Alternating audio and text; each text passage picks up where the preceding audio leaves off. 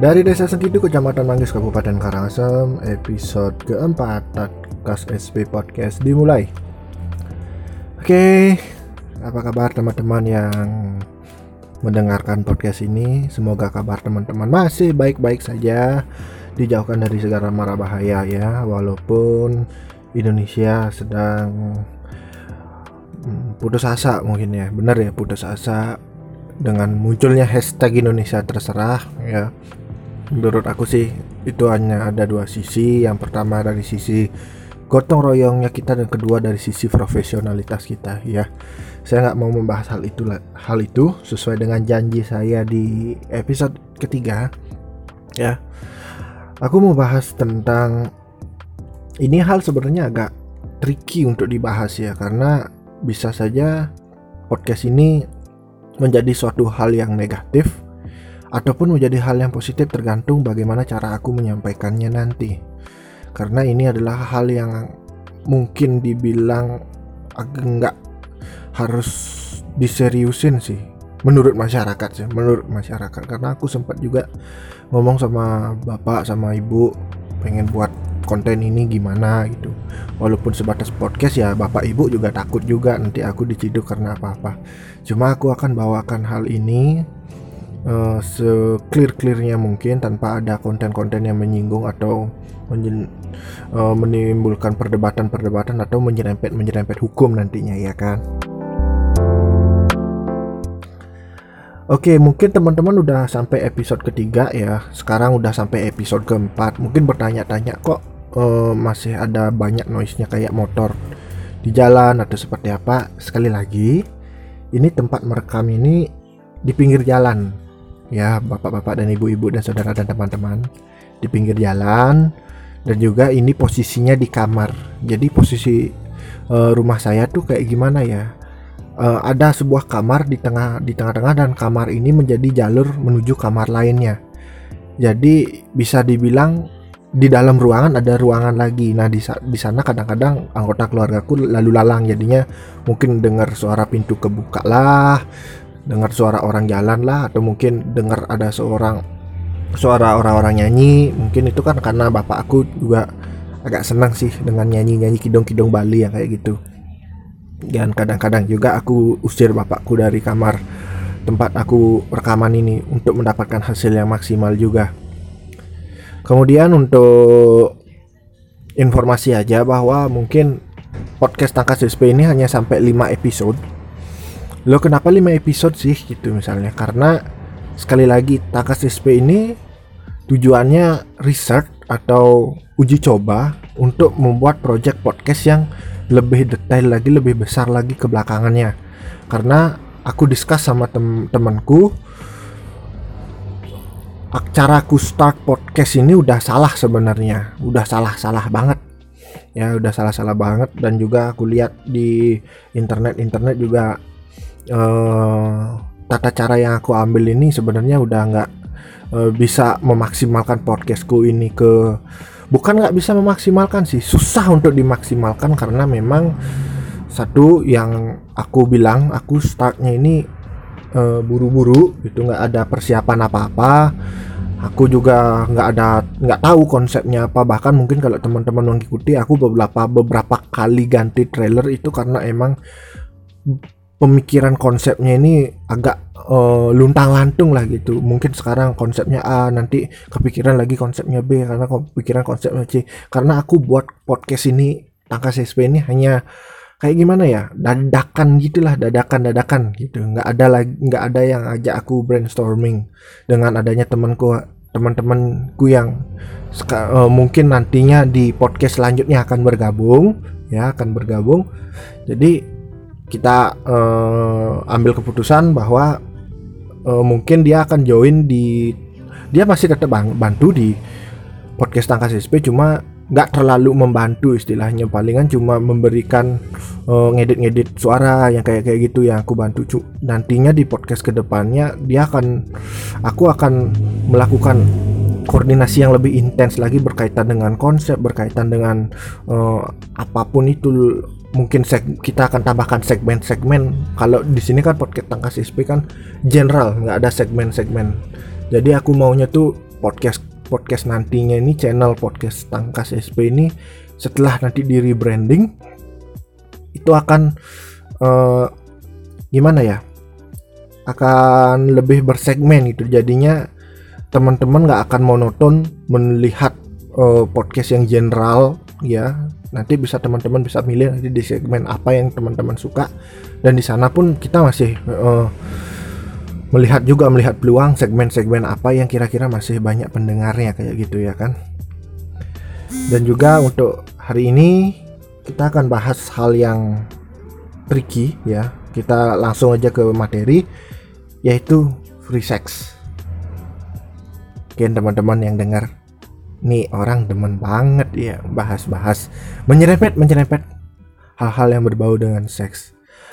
Oke ini sebenarnya bukan disengaja ya bukan disengaja. Sekali lagi podcastku ini hanya podcast research yang nggak mempersiapkan materi dari jauh-jauh hari. Jadinya tuh aku hanya berpatokan sama teman-teman yang buat podcast ini dong buat podcast ini ketika aku pikir oh iya ini ada ide-ide ini kayak gini ya aku up. Nah kebetulan setelah aku up episode kedua yang kurang lebih itu tentang bully bullying ada temanku yang ngechat bahwa dia pengen dengerin pendapatku tentang yang namanya free sex. Karena menurut dia tuh legalisasi prostitusi itu dia nggak setuju dengan legalisasi prostitusi karena dia melihat pandangannya itu dari free sex ini. Kayak gitu. Jadi aku angkat uh, tema ini. Tujuannya bukan untuk mengekspos uh, untuk menggait uh, pendengar nggak sih.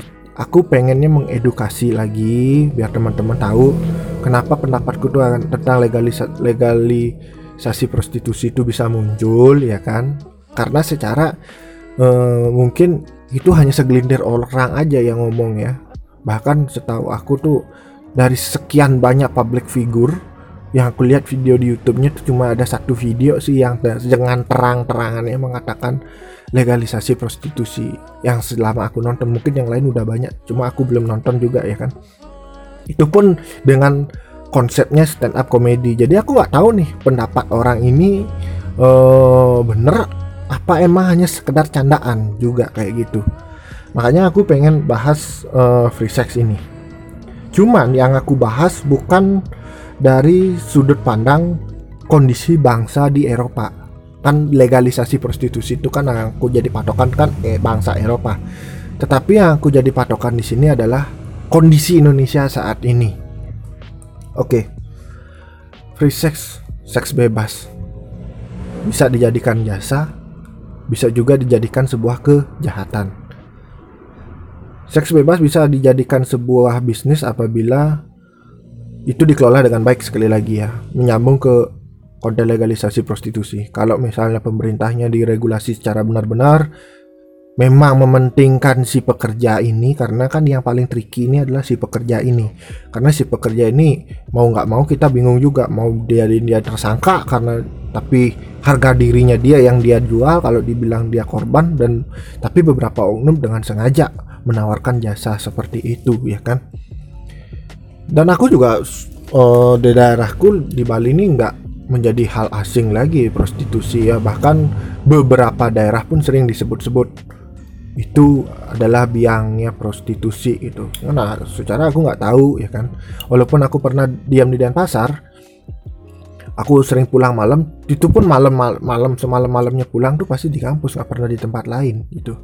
Aku cuma pernah ke sekali itu ke Lumintang itu pun nggak di jam-jam yang di mana katanya di mana katanya salah satu tempat yang uh, katanya ya katanya tempat-tempat uh, para para uh, pekerja seks ini mangkal itu ada namanya di daerahku namanya lapangan Lumintang. Di sana tempatnya lumayan bagus kok. Cuma ya mungkin entah dari mana kabar-kabar desas-desus uh, masuk.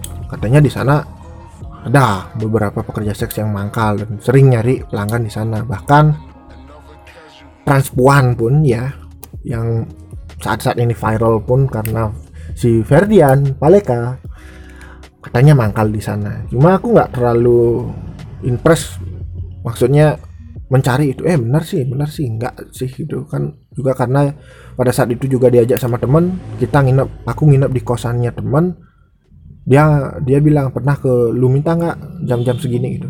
Belum pernah sih. Nah diajak lah aku ke sana gitu.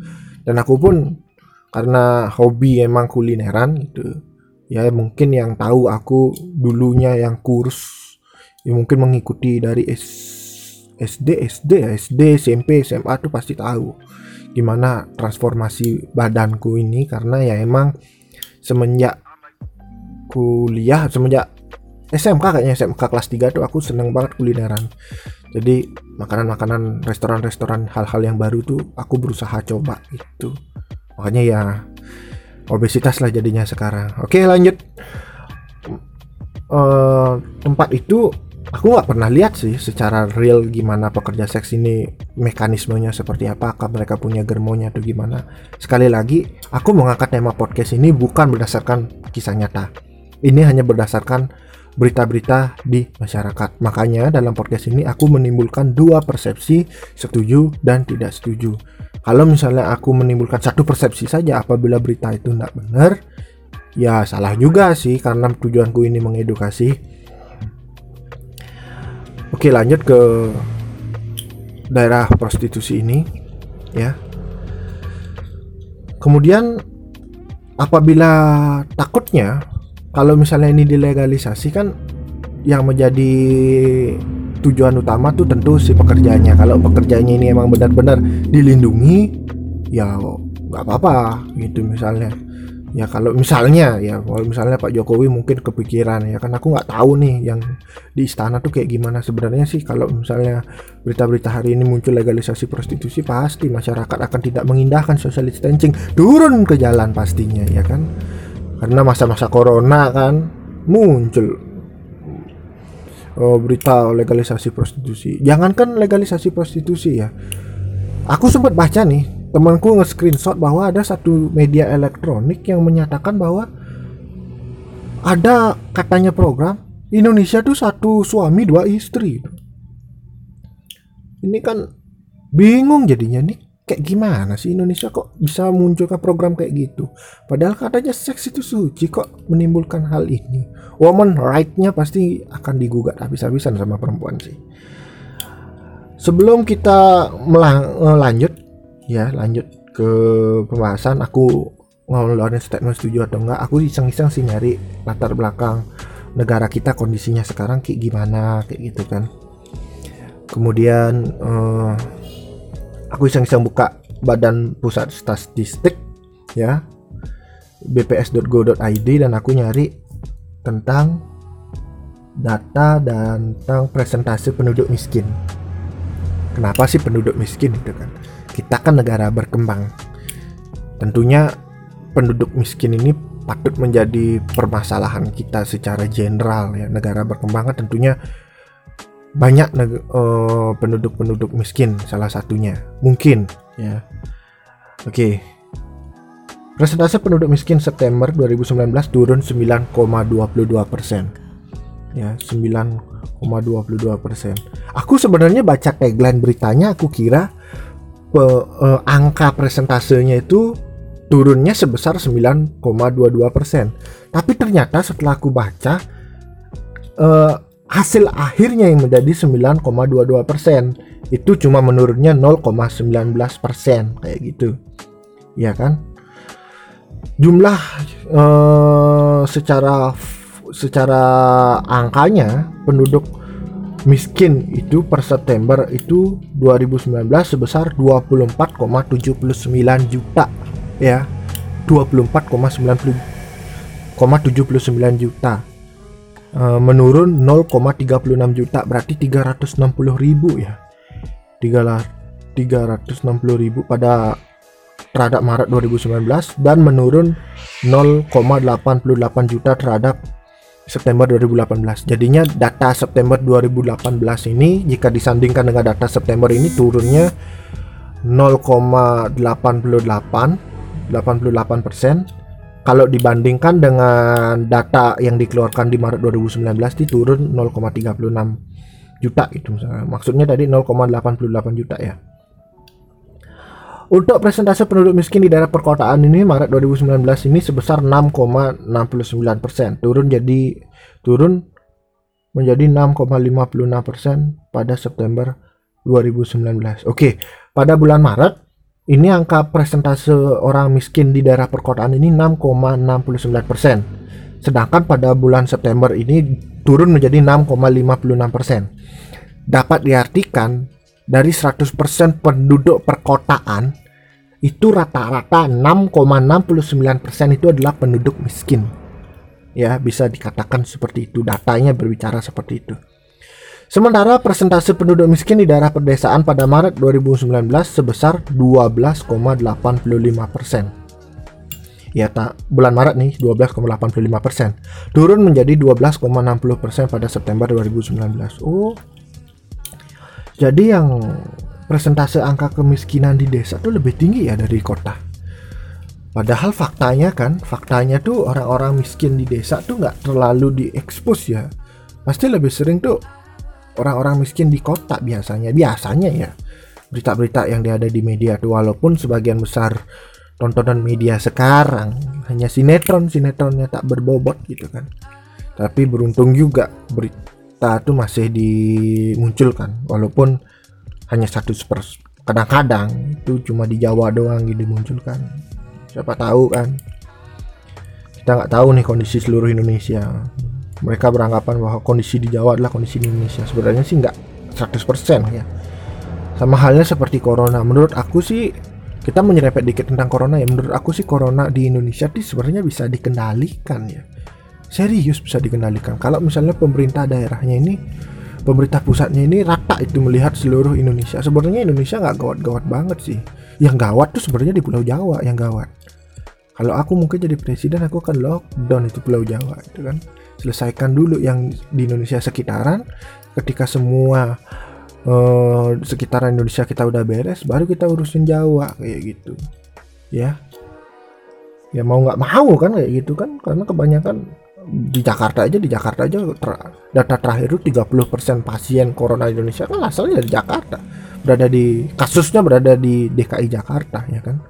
Artinya kan ada problem tersendiri di Pulau Jawa ini. Belum lagi Jawa Timur Jawa Barat Jawa Tengah Banten ya kan? Kalau misalnya itu digabung ya mungkin 50-60% kasus corona tuh ada di sana gitu. Hanya di sekitarnya itu 30% jadinya ya fokus penanganannya cuma di Jawa doang. Jangan ke merembet ke mana-mana gitu kan. Sebenarnya susah juga sih ya. Aku di Bali lumayan beruntung juga. Pemerintah di Bali sih patut diacungi jempol ya. Sampai saat ini tuh persentase kesembuhan tuh 70 persen 73 persen. Dan sedangkan di kota-kota seperti di Jawa yang notabene-nya notabene-nya dekat dengan pusat pemerintahan pun ya angka sembuhnya nggak sampai sana. Bingung juga gitu kan. oke okay, next daripada kita ngegibahin Pulau Jawa ya kan? Mohon maaf nih untuk orang-orang Jawa nih. Tapi aku cuma ngomong fakta aja sih. Dibanding Maret 2019 jumlah penduduk miskin September 2019 di daerah perkotaan turun sebanyak 137 ribu. Ya. Artinya dari data Maret 2019 tuh di data September 2019 nih orang miskin di daerah perkotaan tuh turun 137 ribu dari 9,99 juta orang pada Maret 2019 menjadi 9,86 juta orang pada September 2019. Oke, berarti 9 juta orang miskin itu ada di kota dari total 24,79 juta ya. Bisa aku bilang seperti itu 9,86 juta maksudnya dari 24,79 juta orang itu ada di kota Sementara di daerah perdesaan turun sebanyak 221.800 orang dari 15,15 .15 juta orang menjadi 14,93 juta orang. 14,93 juta berada di desa. Banyak juga ya. Tapi kenapa pembangunan masih fokusnya di kota aja? Itu yang jadi pertanyaan. Hei pemerintah. Canda-canda Pak Canda. Ntar marah lagi Bapak ya. Oke, garis kemiskinan pada September 2019 tercatat sebesar 440.538 per kapita per bulan. dengan komposisi garis kemiskinan makanan sebesar 324.911 73,75% dari kemiskin dan garis kemiskinan bukan makanan 115.627 26,25%. Aku nggak tahu ya apa nih garis kemiskinan dan dinilai dengan rupiah mungkin patokannya ke pendapatan ya. Artinya pendapatan per orang dikategorikan miskin itu berkisaran 440.000 538 orang. Eh 5 maaf rupiah per kapita per bulan. Artinya orang-orang dengan penghasilan seperti itu dikategorikan miskin berarti. Ya bener sih. Benar ya kayak gitu ya? Nggak tahu sih sebenarnya. Dengan kom, garis kemiskinan makanan sebesar 324.911 rupiah itu biaya makannya mungkin biaya makannya per bulan itu segitu. 324.911 dan garis kemiskinan bukan makanan 115 627 oh mungkin ya mungkin ya. Kebutuhan pokoknya dia tuh nilainya cuma terpenuhi segitu gitu misalnya. Itu nilainya 73,75 persen men dari bukan makanan 26,25 persen. Tadi aku beruntung juga ya. Jujur ya, jujur pada saat ngekos di daerah Seminyak ya, Seminyak itu waktu aku magang nih, waktu magang nih, itu dikasih uang per bulan sama orang tua tuh kurang lebih satu setengah juta. Itu udah masuk ke kos dan uang makan dan keperluan aku yang lainnya. Ini berarti aku belum tergolong miskin ya walaupun banyak teman-teman yang punya penghasilan cuma masih bilang susah susah itu nggak tahu sih penghasilannya ke mana. Ya. Dan data terakhir yang disebutkan di sini pada September 2019 secara rata-rata rumah tangga miskin di Indonesia memiliki 4,58 orang anggota rumah tangga. Dengan demikian besar garis kemiskinan per rumah tangga miskin secara rata-rata adalah 2.017.664 per rumah tangga miskin per bulan. Itu artinya pendapatan pendapatan yang dikategorikan miskin itu 2.017.644 jadi kalau aku berkeluarga dengan uang satu setengah juta ya jelas aku miskin lah. Siapa kali yang bisa uh, menuhin kebutuhan tiga atau empat orang sampai segitunya gitu oke. Okay. uh, eh, lanjut ya lanjut lanjut. Sekarang mungkin banyak yang bertanya apa sih hubungan garis kemiskinan dengan free sex? Apa hubungan kemiskinan dengan pergaulan bebas? Oke okay, gini. Kita uh, analisis data-data yang ada dengan topik kita hari ini. Temanku ini bilang, sebelum kamu bilang legalisasi prostitusi, coba cek angka kemiskinan. Kalau angka kemiskinan masih di atas uh, eh, 5%, ya menurutku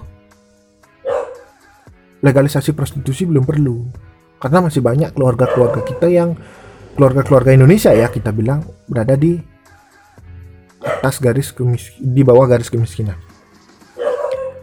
Data yang ada di sini 9,22 persen itu artinya di atas 5 persen. Relevan menurut dia, relevan.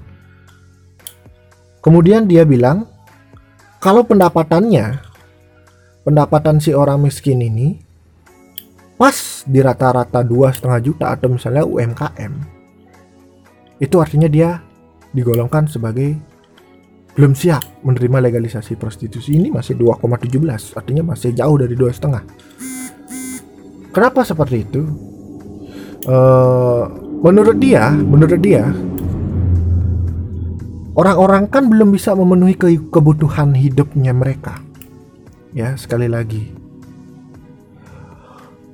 Orang-orang belum bisa memenuhi kebutuhan hidupnya. Apalagi terutama makan ya. Apalagi memenuhi kebutuhan dirinya sendiri akan ilmu pengetahuan. Bisa dilihat ya, 73% itu untuk keperluan mereka makan. 73% itu hanya menyisakan 26,25% aja. Bener ya? 26,25% aja.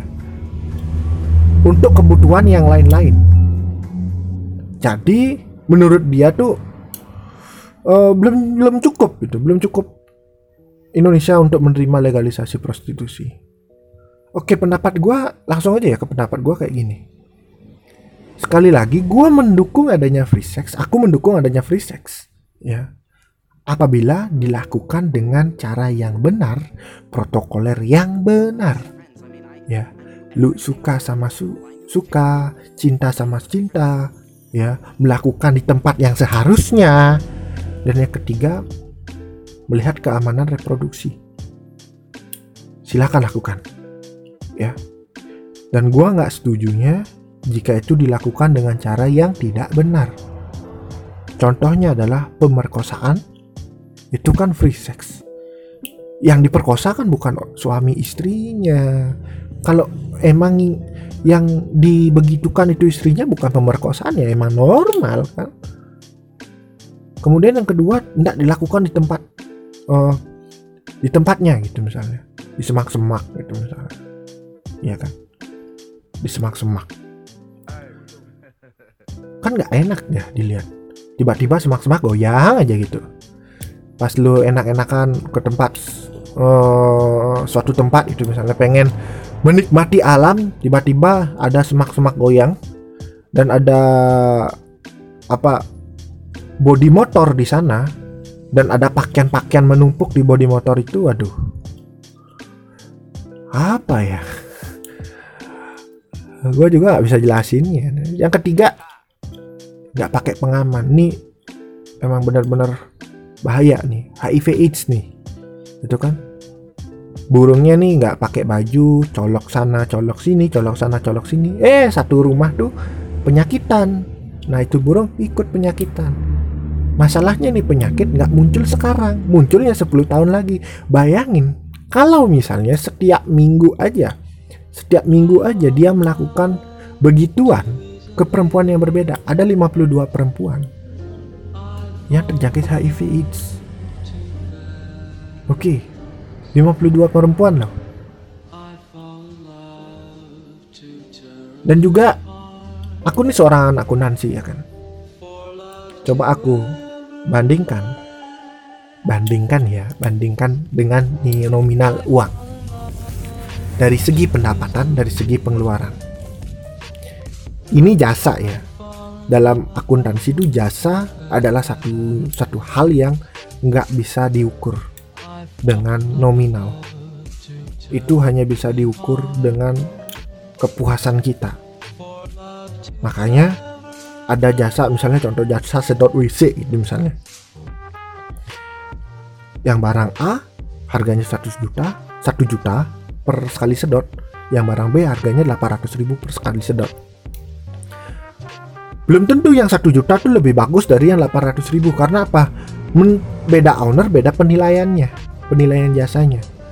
Sama halnya seperti seks ini ya. Oke kita estimasikan satu jamnya 450 ribu lah. Ya. Satu jamnya 450 ribu. Oke 450 ribu per satu jam.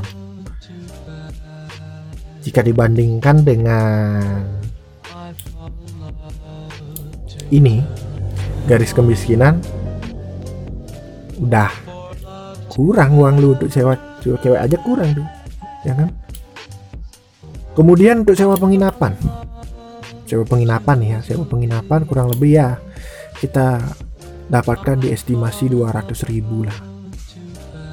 200 ribu per kamar per malam gitu misalnya. Jangan lihat hotel hotel kan jutaan.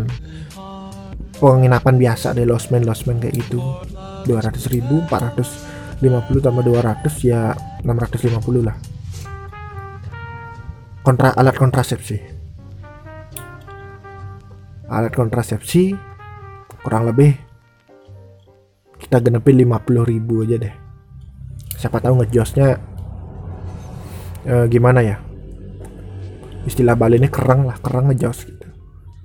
Perlu dua pak lah itu kondom. Jangan tanya saya tahu harganya dari mana. Indomaret banyak. Ya. Berarti 700 ribu itu sekali sewa 700 ribu keluarin uang ya kalau misalnya ya kebutuhan tersiernya 26% itu 450 ribu ya minimal mungkin lu harus mesti dapat penghasilan 4 atau 5 juta untuk bisa melakukan menyewa hal-hal seks bebas ini. Minimal ya minimal. Sedangkan kita nggak tahu nih PDB coba kita cari ya berapa PDB kita kalau kalian nggak tahu tuh PDB itu pendapatan per tahun. Pendapatan bruto kita per tahun tuh berapa? Semakin tinggi PDB suatu negara satu bangsa ya semakin bagus juga tingkat ekonominya mereka. Ini sebenarnya gue salah sih nyari data-data kemiskinannya harusnya dari tadi gue nyari data BDB nih. Ya.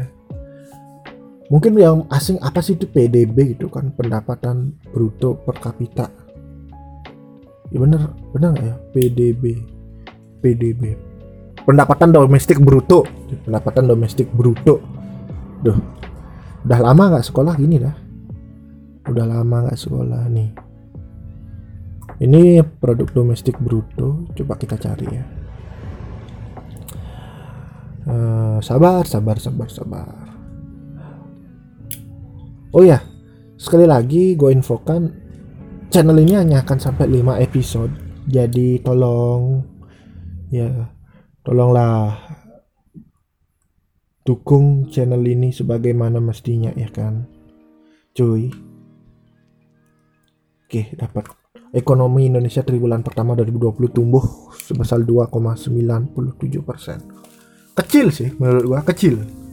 Sangat-sangat kecil karena Indonesia aja tumbuh tahun 2019 tuh tumbuhnya berapa ya? 5,02 persen. Ini ada di sini 5,02 persen. Sedangkan di triwulan pertama tuh 2,97 persen. Artinya udah turun 2 persen. Lebih lah. Uh, susah juga sih susah juga. Oke. okay.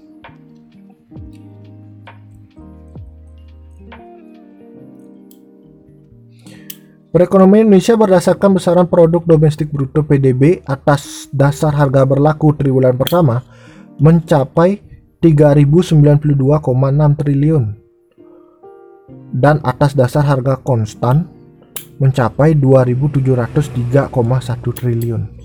Coba kita cek ya berapa sih pendapatan masyarakat dengan PDB seperti itu. Kita anggap Indonesia segitulah PDB-nya. Kita anggap ya, kita anggap walaupun mungkin nanti ada perhitungan PDB per kapitanya beda. Ya karena aku bukan orang statistika.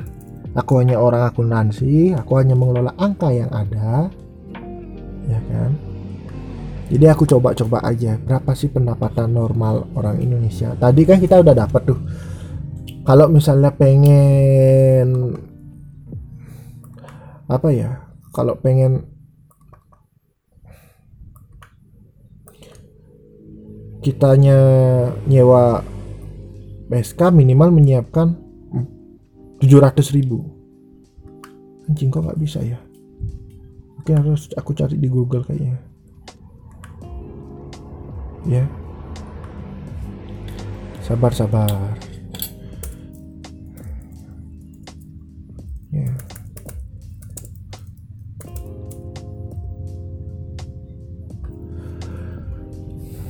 700 ribu per orang.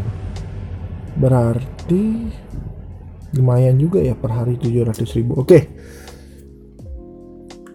Tadi disebutkan berapa? 3922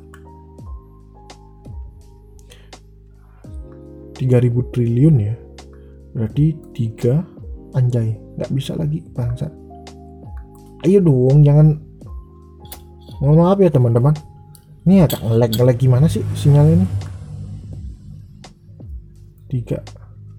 Sembilan dua dua triliun enam ratus miliar rupiah. Satu dua tiga satu dua tiga satu dua tiga. Sekarang anggap penduduk Indonesia itu 240 juta. 223 223 sama dengan muncul angka 16 juta 340 eh, 4.600 ya segitu muncul angkanya. Kemudian ini kan triwulan ya. Ini kan triwulan nih. Uh, artinya harus dibagi tiga dong sekarang ini hasilnya dibagi tiga. Sama dengan? Oh. Pendapatan per orang itu 5.448.055 jadi bisa dikatakan orang Indonesia sebenarnya udah siap menerima legalisasi prostitusi menurutkan data angka ya, data angka, ya, data angka. Kita coba cek deh. Tadi kan 23% tuh pendapatan tersier. Ya, 5448005. Ya, kita anggap tadi berapa ya? 7 700 700 ribu 700 apa 800 ya Oke kita pakai 700 ya 700 dibagi 5 4 4 8 0 55 ya dikali 100 oh shit. Maaf maaf. Nggak bisa dia nggak bisa. Astaga. 700 ribu dibagi astaga. Dibagi mana sih? Dibagi anjing. Dibagi 5 4 8 8 0 5 5 sama dengan ini dikali 100 sama dengan 12,75 persen dari pendapatan itu. Ya artinya lu nggak bisa hangout hangoutan. Jadi kayak sebulan lu bisa sewa sekali. Itu sekali ya sekalinya 700 ribu. Oke okay. ini dilema sebenarnya ya. Dilema di sisi lain kita banyak penduduk miskin di sisi lain data menunjukkan bahwa pendapatan kita ini 5 jutaan. Berarti secara angka-angkaan ya angka-angkaan lu sewa PSK sebulan sekali itu masih bisa men. Masih bisa. Sekarang yang jadi pertanyaan lu lu mampu gak sewa PSK sekali per bulan? Ini masalahnya free sex ini bikin ketagihan. Iya kan? Ketagihan. Kalau lu bisa tahan tuh sekali per bulan ya nggak masalah. Nggak masalah kalau berkali-kali ini akan jadi permasalahan. Ya ini akan jadi permasalahan. Mungkin menurut dia teman saya tuh kayak gitu. Karena free sex menimbulkan ketagihan takutnya dengan pendapatan in, per kapita per triwulan pertama tuh hanya sekitar 5, 5 jutaan per orang. Sedangkan kat, menurut uh, di tweet ini di Twitter sih dapatnya hutang kita per orang itu 16 juta. Itu kan artinya ada defisit 7 juta ya. Nah ini yang menyebabkan menurut dia tuh belum cocok jadi legalisasi prostitusi ini. Makanya menurut dia legalisasi prostitusi jangan deh. Bahkan free sex itu dilarang. Tapi kalau menurutku kalau free sex dilarang berarti kan kita um, mengekang sesuatu gitu misalnya mengekang sesuatu kebutuhan biologis manusia. Itu kan menurut orang-orang kata seks itu kebutuhan biologis. Kalau nggak dipenuhi ya tentu ada yang rusak di otak kita gitu kan. Kata orang-orang juga sumbatan-sumbatan di tubuh tuh harus dikeluarkan apalagi jomblo ya kan jomblo nggak punya pacar. Ya jalan satu-satunya selain masturbasi ya ini gitu free sex ini. Tapi apakah orang Indonesia secara sumber daya udah siap menerima legalisasi prostitusi menurut gua nggak? Menurut gua nggak. Ya mungkin dari segi finansial orang Indonesia udah mampu minimal sekali per bulan. Tapi secara kematangan emosional Indonesia nggak. Jangankan uh, free sex gitu. Nge-sex dengan sesama pacarnya aja mereka nggak belum tentu siap menerima apa ya belum siap menerima resultnya hasilnya. Contohnya adalah banyaknya masih kasus aborsi ya. Banyak tuh teman-teman teman-teman saya terutama yang habis segidi papap segidi papap bingung nyari manas muda nyari sprite nyari apalah. Baru telat seminggu loh. Itu belum telat tiga bulan men ya. Karena menurut mereka apa? Sekali lagi sex education itu penting sebenarnya. Ya kita boleh Indonesia boleh melarang seks tapi nggak boleh melarang yang namanya sex education. Sex education tuh nggak sebatas ini ini namanya vagina ini namanya apa namanya penis gitu. Ini bagian-bagian dari vagina ini bagian-bagian dari penis enggak harus mereka diajarkan. Nah, kalau lu berbuat kayak gini tanpa adanya pengaman kayak gitu ya udah lu bakaran terkena HIV ya. Bila perlu tunjukin foto-foto korban HIV di untung waktu SMA waktu dulu ya Polres tempat saya tempat saya tinggal sekarang nih mengadakan waktu itu SMA acara apa gitu. Tiba-tiba menyangkut ke sana menyangkut ke HIV AIDS. Narkoba ah narkoba narkoba. Walaupun bukan HIV AIDS uh, bukan seks bebas ya tapi narkoba itu orang-orang yang udah kena HIV HIV AIDS tuh parah men. Serius aku lihat fotonya aja ngeri ngeri. Itu kepikiran sampai di rumah loh. Bayangkan mereka tuh sakit mendadak kayak nggak pernah ada riwayat sakit tapi muncul tiba-tiba sakitnya. Ada bentol-bentol yang kayak gitu dia tuh kutil kutil kalau nggak salah ya kutil tuh seluruh tubuhnya sih kutil. Waduh ada yang kurus gitu. Padahal biksu ya salah satu yang ditonjolkan tuh biksu. Orangnya kurus banget. Ya. Bahkan nap napas saja tuh sampai hanya mereka kayaknya tuh ya dia nafas tuh kayak berjuang banget. Untuk nafas loh. Untuk nafas dia berjuang banget. Kelihatan tuh dari alat-alatnya seperti apa. Bahkan menurut si pemateri ini di beberapa case ya di beberapa case. Ketika anggota keluarganya nggak segan ya udah kayak gimana ya udah nggak tega gitu. Ini orang padahal masih hidup tapi tetap dikubur. Dianggap kayak orang mati. Serius kayak gitu. Ya. Makanya dari segi kesiapan orang Indonesia tuh sebenarnya belum siap menerima legalisasi prostitusi walaupun dari segi pendapatan saya asumsikan Indonesia setidaknya orang-orang Indonesia tuh bisa menyewa uh, jasa seks ini sekali dalam sebulan selama dia memiliki pendapatan. Sebagian besar kan orang-orang nggak punya pendapatan, tapi udah kelihatan mapan, iya kan? Jujur ya, jujur pasti lo punya deh teman kayak gitu. Gue nggak pernah nelisik ya siapa teman gue kayak gitu, pasti. Setidaknya gue punya temen yang dulunya backgroundnya kayak gitu. Walaupun ya sesama pacar sesama sepupu gitu misalnya ya kan. Aku gua nggak tahu nih. Tapi pasti aja ada yang kayak gitu.